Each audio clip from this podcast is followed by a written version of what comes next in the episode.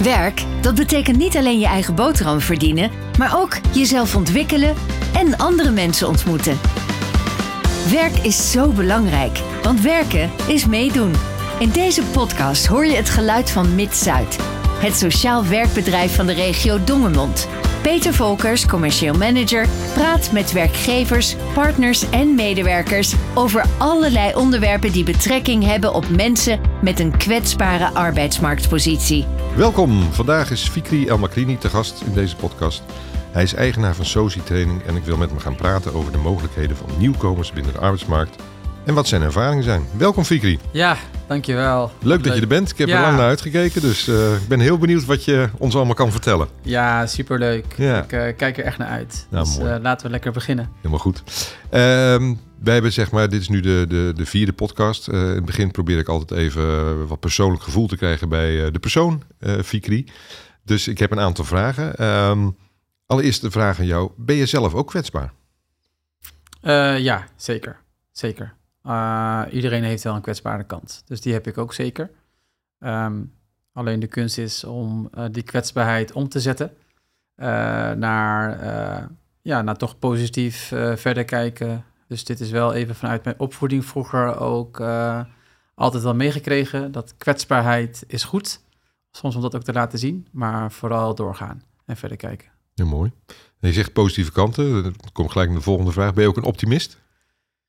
Ja, zeker optimist. Als je kijkt naar alles wat er nu speelt en vroeger in de wereld, maar ook gewoon in ons dagelijks werkzaamheden als kind op school, mijn eigen kinderen op school. eh, je maakt heel veel dingen mee, je ziet heel veel dingen. eh, maar ik denk wel dat wij, eh, en ik zelf zeker, absoluut positief ben. En dat we altijd niet te veel naar achteren kijken, maar wel voornamelijk vooruit kijken. Dat is ook wel prettiger soms, hè? Ja, zeker, absoluut. Het is zeker, eh, zeker prettig. Maar ik denk ook wel dat als je te lang in het negatieve blijft hangen, dat gaat tegen je werken. Dus je moet daar op wat voor manier dan ook proberen kracht uit te halen. Ehm, ik geloof zelf ook, dus je probeert ook heel erg uit je geloof de kracht te halen. Dat, dat je positief moet blijven, dat je goed met je medemensen moet omgaan, met je buren, met je collega's. Dus dat, dat zit er gewoon diep in en dat eh, proberen we ook over te brengen op anderen. Wil je altijd winnen? Ja. Waarom? Ja, klinkt heel gek, maar eh winnen... In alles? Nou, in alles. eh, in die zin is, eh, ik sport heel graag, voetbal heel graag, vanaf jongs af aan. En ik denk ook altijd dat, in die zin altijd winnen is, klinkt heel erg, hoe moet ik het zeggen? Heel groot, maar in die zin is winnen is, ik, ik ben wel iemand eh, die elke keer tot het gaatje gaat en probeert dingen beter te doen. En- Maximaal eruit halen. ja, het maximale eruit te halen. En als je dan verliest, is het niet erg als je het gevoel hebt dat je het maximale hebt uitgehaald. En dat is dan voor mij winnen. Mooi. Zou je zelf gelukkig kunnen zijn zonder werk? Eh, heel eerlijk, eh, werk is zo'n grote identiteit van mijn leven, mezelf, dat ik mezelf nu op dit moment niet gelukkig zie zonder werk. En dat probeer ik ook echt wel uit te stralen aan, aan, aan de andere mensen. Het geeft je voldoening, eh, eh, waardering. Het geeft je zoveel. En dat past ook bij de fases eh, in je leven en dergelijke. En werk is daar gewoon zo'n groot onderdeel van. Vooral als je eigen ondernemer bent en je probeert een bepaalde boodschap uit te stralen. wat voortkomt uit een intrinsieke motivatie, uit een bepaalde achtergrond. Ja, dan denk ik, eh, het zou misschien wel kunnen, maar eh, ik kan me het niet voorstellen. Nee. Nou, dat is ook een beetje wat we natuurlijk met eh, diverse mensen, vanuit welke doelgroep dan ook. Je zegt, het is ook een gevoel van eigenwaarde. eh, de sociale contacten zitten al veel, ja, heel veel aspecten zitten er. Ja, zeker. En er is gewoon heel verschil tussen eh, niet kunnen, bijvoorbeeld, of, of ben je niet machtig om, om dingen te kunnen doen, of wil je gewoon simpel gezegd niet. Hè? Volgens mij heb jij ooit wel een keer bij zo'n masterclass gezeten en ik Ja. zeg altijd, je moet gewoon, eh, welke mensen je ook ziet, eh, maakt overal op zich niet uit welke doelgroep, welke kwetsbare doelgroep je het ook over hebt.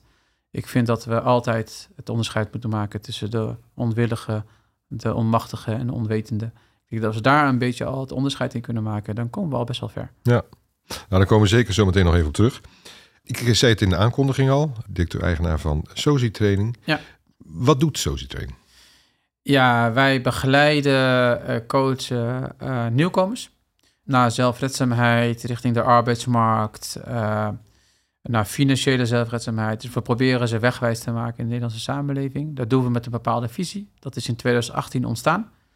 Ik kom zelf uit het sociaal domein. Sinds 2008 heel lange tijd in de inburgering gewerkt. En ik zag dat ik elke keer in de gesprekken die ik met mensen had, elke keer tegen dezelfde drempels aanliep. En op een gegeven moment heb ik gedacht, hier moet ik wat mee. Dus vanuit daar is societraining ontstaan. En tot op de dag van vandaag zijn we nog steeds hartstikke druk bezig om mensen wegwijs te maken. Vooral nieuwkomers. En je zegt begeleiding, dat is natuurlijk een algemene ja, term. begeleiding is algemeen term. Maar denk even aan, als je het hebt over wegwijs maken in de Nederlandse samenleving, hoe dingen werken. Ehm, volgens mij heb ik al ooit een keer een voorbeeld gegeven. Nieuwkomers die in Nederland komen, uh, hebben vaak te maken met meer dan 40 verschillende soorten instanties. Heel erg complex. Uh, dingen werken anders, nieuwe spelregels. En wij proberen ze daarin mee te nemen. Uh, maar ook heel erg belangrijk. Ehm, Heel veel dingen zijn nieuw, maar heel veel dingen lijken ook op hetgeen wat ze gewend zijn. En wij proberen daar die verbinding in te leggen, de vertaalslag te maken naar hoe zij werken en hoe wij hier werken. En dat het vaak niet zoveel eh, veel uit elkaar ligt, maar dat we door simpele voorbeelden te geven het op een goede manier kunnen uitleggen, zodat ze de concepten gaan snappen. Want mensen moeten een taal leren, maar dan heb je ook nog tweede concepten, Mhm. hoe dingen werken in Nederland. En begeleiden betekent ook ehm, uh, richting werkgevers, mensen die graag aan het werk willen, kansen creëren, uh, mensen voorbereiden op de Nederlandse werkcultuur, mensen voorbereiden op, uh, ja, het klinkt heel groot, hoe, hoe gedraag je je op, op de werkvloer. En dat kan zowel vaak in positieve zin, want ik vind namelijk ook dat mensen heel talentvol zijn en ze hebben op een bepaalde manier geleefd over een hele lange periode. Dat gaan wij niet zomaar veranderen. Dus ik probeer ze ook wel een beetje bewust te maken van het wenproces. En dat doen we bij de werkgevers ook. En jullie hebben dan ook het voordeel natuurlijk dat jullie uh, allerlei begeleiders hebben die de, de verschillende talen spreken. Daar ja, ligt wel een groot deel van jullie kracht, denk ik ook. Ja, zeker. Kijk, wij hebben niet, wij zijn geen taalschool. Uh, we hebben wel focus op het Nederlands. We proberen ze ook de, de, de woorden te leren die ze echt moeten weten, die ze niet op de inburgering krijgen of heel beperkt maar. Dus wij hebben de visie dat we echt mensen willen meenemen, dat ze snappen waar het over gaat. En dat we ze, al de mensen die voor ons werken, zijn allemaal, wij noemen dat een beetje een mooi woord, bruggenbouwers. Hè. Mhm. Mensen die allemaal uh, ex-statushouder zijn geweest, uh, die, ja, die weten gewoon als geen ander die brug te slaan. Die weten als geen ander hoe het werkt in, uh, in het in eigen land van herkomst. En welke drempels zij hebben moeten overwinnen toen ze hier in Nederland waren. En ik probeer op die manier mensen mee te nemen, voornamelijk ook te laten zien dat er heel veel mogelijkheden zijn. Ja, want we, we, hebben eigenlijk nu allebei al, al twee keer het woord nieuwkomers Ja. gehad. Kun je eens aangeven, als nou iemand vanuit het buitenland hier komt, uh, want je hebt natuurlijk uh, nieuwkomers, inburgeraars, statushouders, noem maar op. Het zijn allemaal verschillende terminologieën, maar kun je Ja. het onderscheid daarin aangeven? Nou, eigenlijk, kijk, onderscheid. Het, is, het zijn allemaal benamingen. Eh, kijk, statushouders komt vanuit. Hè, iemand krijgt een status, mag in Nederland blijven, wordt statushouder. Ja, een nieuwkomer is hetzelfde term. Ja, vluchtelingen is ook weer een term in een ander soort jasje. Je bent gevlucht eh, eh, en je wordt statushouder als je het status hebt gekregen. Dus er zijn allemaal vormen. eh, je hebt ook nieuwe Nederlanders, allerlei termen. Maar voor mij zijn het gewoon mensen. Mensen die hier komen voor een, een, een beter leven. En ik denk, maakt niet uit wat voor ja, stempel je opdrukt als het gaat om naam en dergelijke. Ik denk dat het gewoon heel... eh, ze, ze- we, zien hen gewoon als mensen, als medemens. Ik noem ze ook bij naam. Eh, ik noem ze niet, hey, statushouder 1, Nee. statushouder 3. Nee. Het zijn, hè, dus, dus het is dat echt is, persoonlijk, ja. ja, het is echt persoonlijk. En dat is ook hoe zij zelf eh, behandeld willen worden. Hè? Dus, dus heel veel vluchtelingen, staatshouders willen ook niet als vluchteling gezien worden. Nee. Of als staatshouders. Ze willen gewoon gezien worden als, als Fikri, als, als, als, als? Dus, dus als Peter. Maakt allemaal niet zoveel uit. Ze, willen gewoon bij naam genoemd worden en, en, en ze willen vooruitkijken. Oké, dus even voor de, voor de goede orde. eh, we noemen het even de term nieuw- nieuwkomers. En jij, Ja. maakt niet uit welk onderdeel, jij bedient ze allemaal. Ze Ja, allemaal. zeker. In welke fase ook zitten. En, en een nieuwkomer is, is, is een stempel die ze gekregen hebben. En het is ook, eh, ze zijn ook nieuw. Ze moeten ook dingen leren. Ze moeten ook dingen begrijpen. Ze moeten ook aan bepaalde situaties wennen. En dat systemen anders werken en dergelijke. En het enige wat wij doen is in die hele fase proberen we ze mee te nemen. En om, om ze te begeleiden. eh, zodat ze uiteindelijk gewoon volwaardig kunnen meedraaien in de maatschappij. En met hoeveel eh, trainers slash begeleiders eh, werken jullie nou? Want jullie werken wel landelijk, hè? Ja, wij werken landelijk. Ehm, wij hebben zelf acht mensen die direct in dienst zijn. Eh, en we hebben twaalf mensen die eh, op flexibele basis eh, voor ons werken. Ook juist omdat we landelijk opereren, heb ik altijd zelf ook een flexibele schil nodig. en dat is ook alleen maar fijn. De mensen die al heel lang kent en die gewoon heel goed in hun werk zijn. Dus ja, dus op zich, het team is eigenlijk, ehm, als ik het zo mag bekijken, van ehm, nul in eigenlijk in twee jaar tijd naar ja, bijna twintig eigenlijk gegaan. Want daarvoor was social training, maar deed ik het allemaal zelf. En op een gegeven moment uh, ja, zijn we gaan groeien en uh, zijn we ook mensen aan ons gaan binden. En je groeit nog steeds? Ja, zeker. Ja, toch is de vraag heel, uh, ondanks dat er heel veel hele goede partijen zijn die ook hartstikke goed werk uitvoeren en dergelijke, merken wij gewoon dat onze visie aanslaat. Het is voor ons ook, hoe moet ik het zeggen? ik heb altijd gezegd toen ik hiermee ging beginnen en toen ik het idee had, ik ga societraining oprichten, ik wil waarmaken met hetgeen wat ik doe en wat ik beloof. En zo simpel is het. Ik durf best wel te stellen dat wij doorgaan waar anderen stoppen. En wat is dan specifiek je onderscheidend uh, vermogen, je, je, kracht ten opzichte van andere soortgelijken? Nou ja, ik, ik vind dat lastig om aan te geven, omdat ik heel eerlijk niet kijk naar anderen, zeg maar. Hè? Mhm. dus, dus, dat is ook een beetje vanuit nature, vanuit mezelf. Ik kan kijken naar anderen, ik kan kijken hoe goed zij doen, hoe minder goed zij doen, et cetera ik heb gewoon gemerkt, ik werk, uh, je hebt een bepaald netwerk opgebouwd in het sociaal domein. Je hebt altijd je werk op een goede manier geleverd. Ik durf ook echt, ik denk dat ik tot op de dag van vandaag nul, maar dan ook echt nul e-mails heb gestuurd voor een acquisitie van kijk wie we zijn, uh, ga met ons in zee of dergelijke. Alles is heel natuurlijk gegaan via het netwerk. We zijn best wel actief op social media om ook echt te laten zien wat we aan het doen zijn. Zodat een breder publiek ook echt uh, ja, dat we daar de successen mee delen, maar soms ook de minder, um, uh, ja, de dingen waar het misschien iets minder gegaan is, dat we dat ook gewoon met elkaar delen en dat we ook ondervinden waar het aan heeft gelegen en dergelijke. Dus op zich vind ik het juist heel erg leuk dat we alles op een natuurlijke manier gedaan hebben en via het netwerk en de mensen die jou goed kennen en die weten dat je kwaliteit levert. En, en ja, dat gaat dan op een gegeven moment gaat dat leven en dan zegt de ene opdrachtgever, ja, ik heb gehoord dat jullie dit heel goed mm, doen. het sneeuwbaleffect. Ja, het is echt het sneeuwbaleffect. En ik, ik moet heel eerlijk zeggen dat ik daar echt wel heel erg trots op ben. Want jouw opdrachtgevers, uh, want ja, nogmaals, het moet natuurlijk ook allemaal betaald worden. Zijn dat nou alleen de gemeenten of heb je nog andere opdrachtgevers? Nee, over het algemeen zijn het uh, uh, 90% de gemeenten die de opdrachtgevers zijn. We hebben ook taalscholen waar we ook onze opdrachten voor uitvoeren. Werkgevers kom ik ook uh, regelmatig uh, op de vloer die bepaalde behoeften hebben aan bijvoorbeeld een jobcoaching of, of, of, of een, een, sessie over culturele verschillen op de werkvloer. Ik geef zelf ook training aan de professionals van de gemeentes op het gebied van wet inburgering en cultuursessies die werken. En dat vind ik leuk om te doen, dus niet mijn core business, maar uh, soms komen die dingen op je pad en dan denk je hartstikke leuk. Uh, en volgens mij zijn we ook zo bij elkaar op het pad gekomen. Hè? Ja. Dus en, en, en, en nogmaals, dan zie je het kracht van het netwerk. Hoe snel dat kan gaan. Want jullie, toen ik bij jullie kwam, toen is ook het sneeuwbaleffect, heeft dat ook geresulteerd. Want ik kreeg op een gegeven moment ook wel allemaal verzoeken van andere werkgeversorganisaties. Kan je wat keer komen vertellen over culturele verschillen? Ja. En dat doe ik met alle liefde.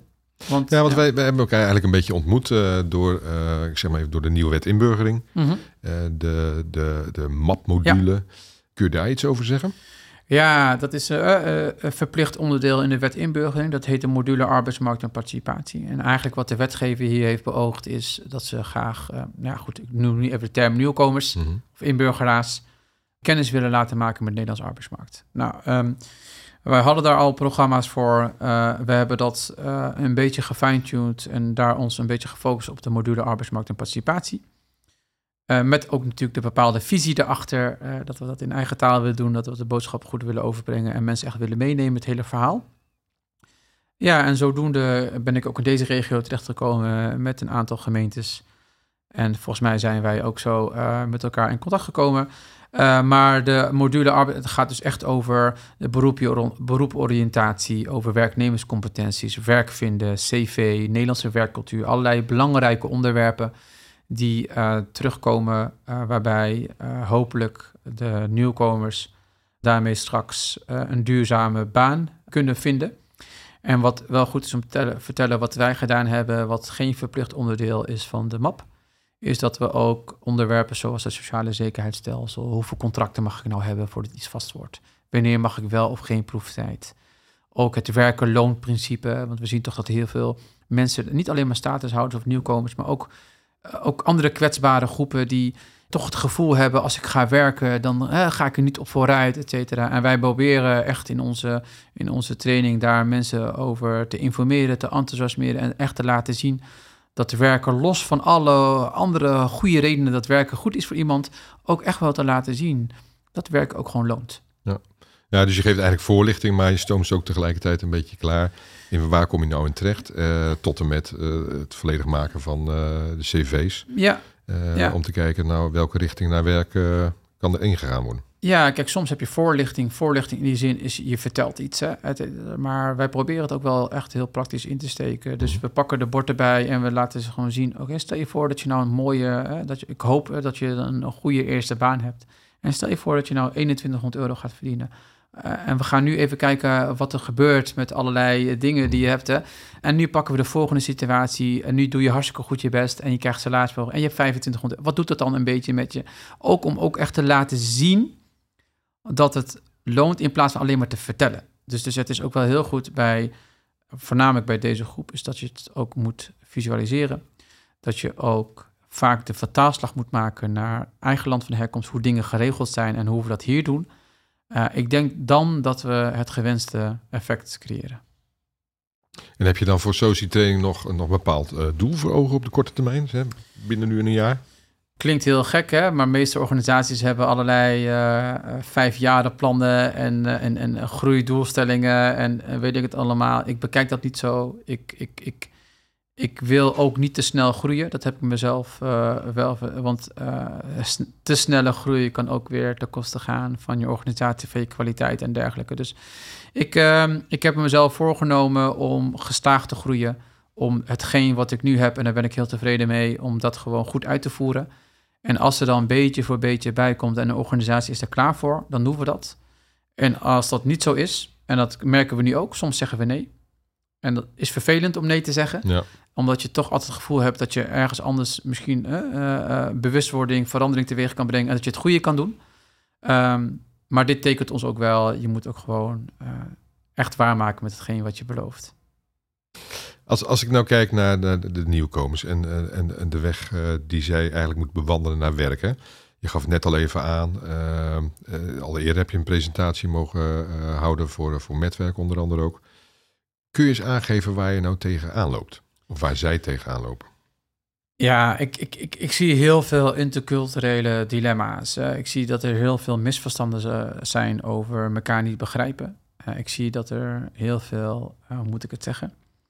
Uh, verkeerde verwachtingen zijn ten opzichte van elkaar. Ik denk ook dat uh, niet alle werkgevers, maar de meeste werkgevers ook een bepaalde beeldvorming hebben. Ik denk uh, dat, dat, dat als het heel echt nu, als ik het nu bekijk, de situatie voor nu, wat ons echt e-, heeft anders heeft aan het, wat ons echt aan denken heeft gezet, is dat, dat je ook een groot verschil zag tussen de statushouders en bijvoorbeeld de Oekraïense vluchtelingen. Um, dat daar zo verschillend mee omgaan, ook vanuit politiek, hè, want die mogen namelijk gelijk werken, krijgen een BC-nummer en die kunnen best wel veel geld verdienen, zeg maar. En dan worden er met allerlei uh, cijfers gesmeten, kijken ze hoe groot deze groep aan het werk gaat, terwijl je dat absoluut niet mag vergelijken, uh, vergelijken met elkaar, mm is echt appels en peren. En ik denk ook, de grootste winst, zoals ik het zie, is bewustwording van het wendproces van de inburgeraar.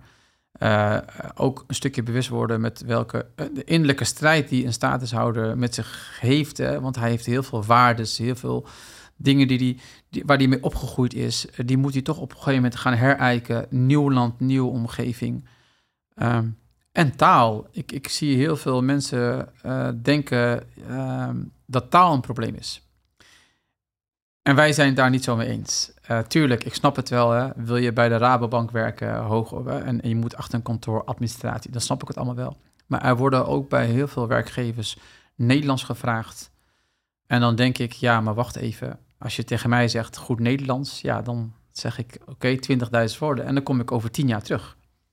Of heb je het over goed Nederlands, wat voldoende is om binnen jouw organisatie aan de slag te kunnen gaan. En ik zie uit analyses die wij soms bij werkgevers gedaan hebben, dat iemand misschien 400 woorden nodig heeft, 500 woorden nodig heeft. En dat kan iemand in twee, drie maanden leren. Dus als je iemand die tijd geeft, dan heb je straks een hele loyale en waardevolle kracht. En ik denk als we dit soort creatieve oplossingen met elkaar proberen uit te vinden, uit te zoeken, dan ben ik ervan overtuigd dat we heel veel onbenut potentieel, wat nu eigenlijk langs de kant staat, en die elke dag horen, je wordt niet aangenomen vanwege de taal, jouw taal is niet goed genoeg, dat die mensen heel waardevol kunnen zijn voor wat voor bedrijf dan ook. Maar je hoort natuurlijk wel van, van veel werkgevers, uh, hoor je het geluid dat ze zeggen van ja, wacht maar, we, we zitten met veiligheidsvoorschriften, uh, bijvoorbeeld in, in de schoonmaak, hè, met Ja. bepaalde chemicaliën. Dus ja, daar moet ik wel over kunnen brengen. Of ze zeggen van ja, deze personen hebben begeleiding nodig. Ik heb geen begeleiders eh, in huis die, eh, die de taal spreken. Dus, dus taal is wel degelijk een issue. Ja, het hangt er even vanaf. En natuurlijk snap ik werkgevers ook, hè, laten we dat even vooropstellen, als ze dat vinden en ze voor een gevoel. Soms denk ik ook vaak dat het angst is. Angst voor het onbekende. Wat als er gebeurt iets in de veiligheid, dan heb ik een probleem. Ja. En dat snap ik ook heel goed vanuit werkgevers. Alleen ik denk dat, het, eh, dat je heel vaak ziet, ook als het gaat om veiligheidsinstructies en dergelijke. Als je kijkt naar creatieve oplossingen en je gaat met iemand, eh, eh, en gemeentes kunnen daar, eh, een Mid-Zuid, maakt niet uit wat voor ketenpartner, organisatie kan daar een belangrijke rol in spelen. Als je dat vertaalt en mensen uitlegt. Want ik, wat ik zie namelijk is eh, het volgende. We hebben mensen die in de bouw werken. Die zijn 20 jaar schuldig geweest, 20 jaar stukken door, 10 jaar tegelzetter. Uh, gouden handen eh, voor Nederland, zeg maar. En de werkgever denkt, ja, maar hij spreekt maar een paar woorden Nederlands en veiligheid en dergelijke. Nou, die mensen die moeten dan een VCA halen, halen hun VCA in het Arabisch. En ik kan je vertellen, als je een VCA in het Arabisch kan halen, heb je exact hetzelfde niveau als iemand die het VCA in het Nederlands moet halen. Dus hij snapt de veiligheidsregels, snapt hij allemaal. Hij snapt prima als er daar een boven een groen bord is, verzamelplaats, dat het de verzamelplaats is. Hè, dat hij daar naartoe moet gaan als er wat gebeurt met brand en dergelijke. Dus ik denk dat het soms ook verder kijken is en dat je met de persoon ook kijkt, hey, deze veiligheidsinstructies zijn belangrijk voor, voor, voor dit bedrijf. Laten we hier verder op inzoomen, laten we dit met elkaar eh, aangaan. Laat hem dat leren, één, twee weken. En dan kan ik je vertellen, verzekeren, als de motivatie hier is, dat je al heel ver kan komen. Nou ja, kijk, taal wordt toch wel over het algemeen gezien hè, als, als eh, de grootste uitdaging. Ja. Eh, wat mij altijd ook wel, wel integreert, is dat aan de ene kant eh, weet je natuurlijk dat ze in een bepaald proces krijgen ze al taaltrainingen. En wat je dan, dan ziet dat dat vaak s s'avonds achter die laptop is. Ja. En ik denk van nou, ik weet niet of dat het meest inspirerende vorm is. Terwijl ik wel zie dat mensen die dan toch wel geplaatst worden op werk, dan zie je dat die zoveel sneller gaan, omdat ze in de dagelijkse praktijk al geconfronteerd worden met die Nederlandse taal. Zie je dat ook zo? Ja, kijk, eh, alles. Eh, het is heel duidelijk al eh, uit alle onderzoeken, en ook waar de hele nieuwe inburgeringswet voor staat, is eh, zonder dualiteit eh, gaat het gewoon te langzaam. Dus je moet de taal ook in de praktijk kunnen toepassen. En ik denk dat het ook een heel groot probleem is. eh, nu bij heel veel eh, gemeentes, maar ook in de oude wet inburgering, dat we heel erg zagen dat mensen wel naar taalschool gingen, maar daarnaast geen participatieplek hadden of geen werkplek, waardoor het vele malen langzamer. Ik denk dat we het even op ons moeten betrekken. Stel je voor dat wij cursussen hebben over, eh, wat zal het zijn? Over de schoonmaak, allerlei termen. Maar als we er niet mee bezig zijn en we komen er niet mee in aanraking, gaat het veel langzamer, vergeten we het sneller en dergelijke. En dan begrijpen wij nog het Nederlands, hè? Ja. Eh, maar voor iemand die dat ook nog eens een keer niet begrijpt, eh, gaat het nog langzamer. Dus ik denk, en maar ik vraag me dan ook heel eerlijk af, als, als, als inderdaad dat, dat die belemmering is voor de werkgever, taal, et cetera. Ik zie ook heel veel Poolse mensen, Oekraïense mensen, eh, die ik zie en probeer een gesprek mee te voeren. Amper, hè, eh, lukt mij niet omdat het Nederlands te beperkt is. Eh, zie ik keihard Maar wordt er anders tegenaan gekeken? Eh, ik, ik, ik weet niet of ik dat zo kan uitspreken of moet uitspreken. Ik denk zelf eerlijk gezegd van wel. Ehm, maar eh, nogmaals, dat vind ik heel erg lastig om te beoordelen. Ik denk dat er ergens wel een bepaalde mate van beeldvorming eh, eh, ontstaat hierover. Maar ik ben wel benieuwd eh, eh, straks. want de groep van, ook- wordt alleen maar groter. En ehm, hoe dat dan straks gaat lopen. Stel je voor dat zij wel uiteindelijk een status krijgen hier in Nederland. En ook Hm. moeten inburgeren en dergelijke. En aanspraak kunnen maken op sociale voorziening, hoe het dan gaat. Maar wat wij gewoon zien is. Er zijn heel veel statushouders gemotiveerd. Die willen graag heel werken, maar ons systeem houdt het een beetje tegen. Eh, en dat heeft ook te maken met het stap tussen sociaal minimum en, eh, eh, en bijvoorbeeld werk, hè, salaris. Dat Ja. het gewoon gat te klein is. Hè. Dus dat is niet alleen voor nieuwkomers, ook voor heel erg. Maar ik denk dat, dat, dat, dat we heel goed ook bij werkgevers moeten kijken. welke oplossingen kunnen we nou vinden om ervoor te zorgen dat de taal voldoende is om te functioneren op zijn werk. Op zijn werk ja, dat kan tegenwoordig al heel veel, hè? Of je nou vertaal-apps hebt of, of, of instructies. Je zegt al VCA het Arabisch, dat is overigens voor mij ook nieuw. Ja. Eh, en dan denk ik van, nou, als dat zeker als het gestoeld is op, op Nederlandse wetgevingen en veiligheid, is uh, prima. Uh, Oké, als we taal nou even, even, even parkeren. Want je zei net ook al, uh, er zijn ook natuurlijk cultuurverschillen. Ja. Kun je daar eens voorbeelden van geven?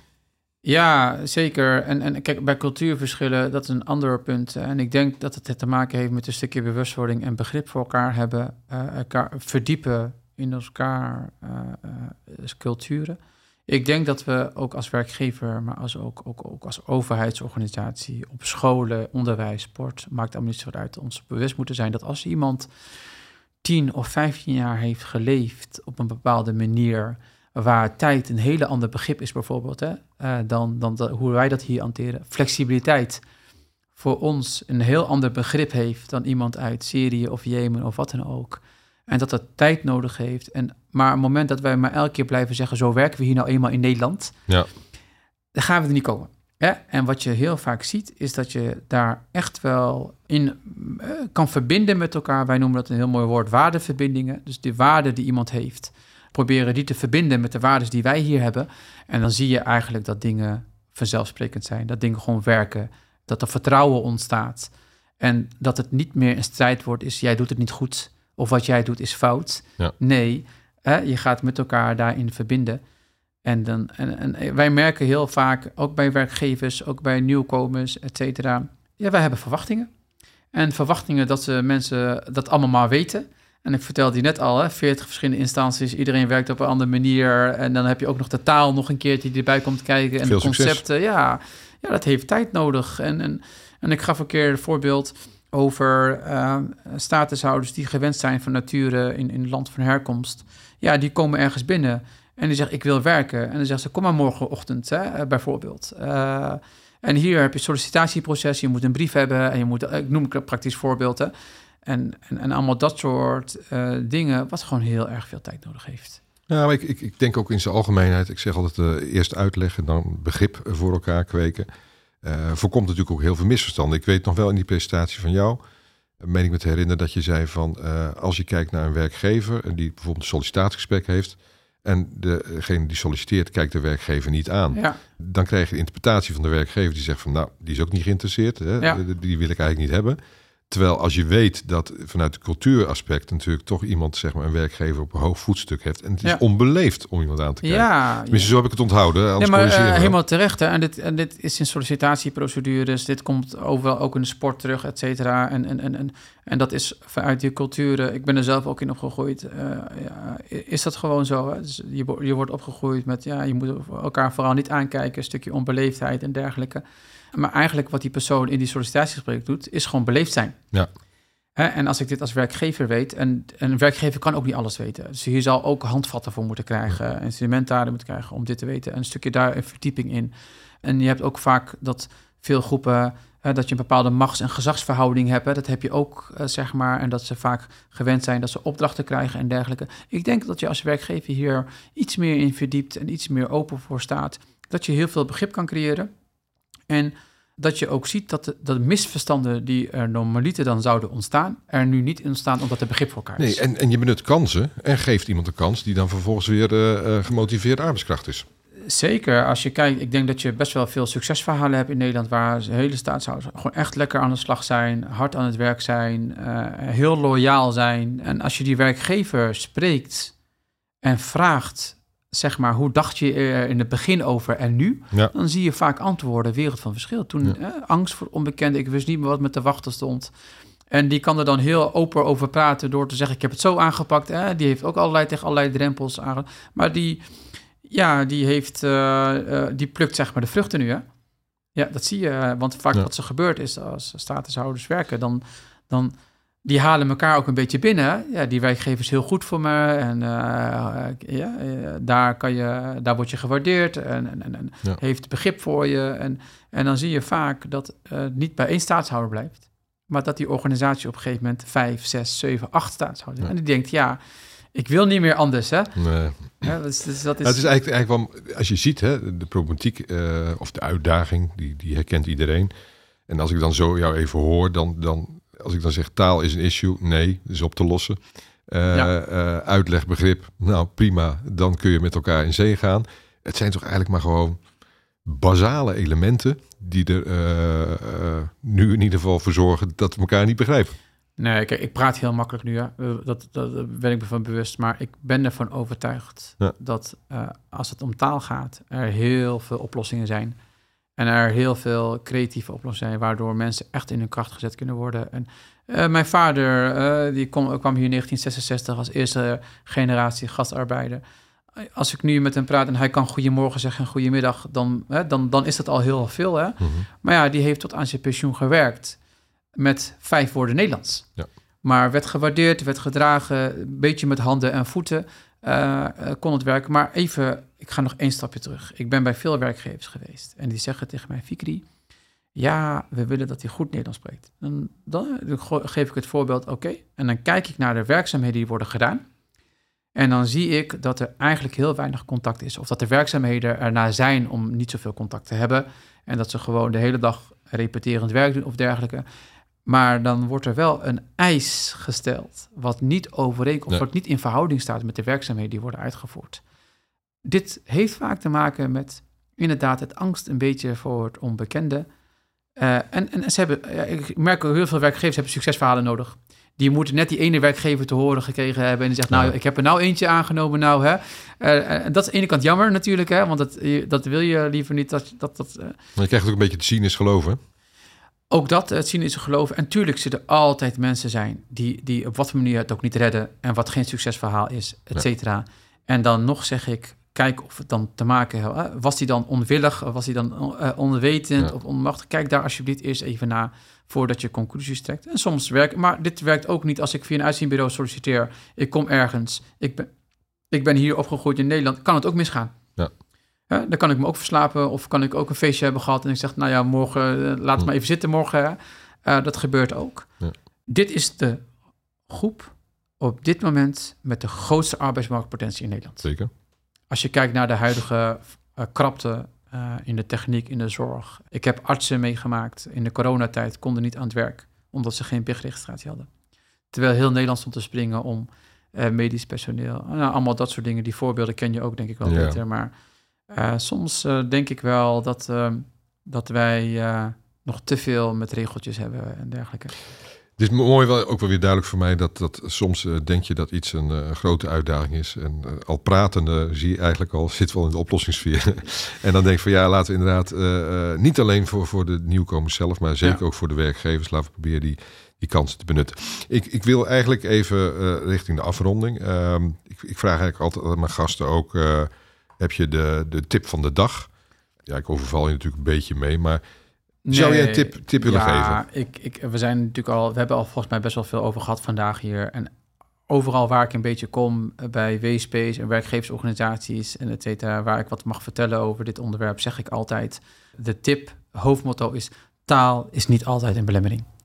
En ik denk als je dat eh, aanhoudt en op zoek gaat naar andere mogelijkheden, waardoor eh, nu in dit geval nieuwkomers, staat hoe je het ook wil noemen, kansen kunnen krijgen om hun waarde te laten zien, hun toegevoegde waarde en hun talenten te laten zien, dan ben ik ervan overtuigd dat je je, je bedrijf naar een hoger niveau tilt, naar een hoger plan. En dat je hele productieve medewerkers hebt.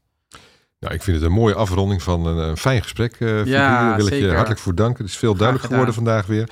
En eh, ja, laten we samen hopen dat we alle kansen in de toekomst, van in ieder geval zoveel mogelijk kansen kunnen benutten. Nogmaals dank. En eh, voor de luisteraars, tot de volgende uitzending van Kwetsbaar. Bedankt voor het luisteren. Wil je reageren? Laat dan vooral een berichtje achter op onze socials. Abonneer je op onze podcast en deel deze vooral met andere geïnteresseerden. Tot de volgende aflevering van Kwetsbaar.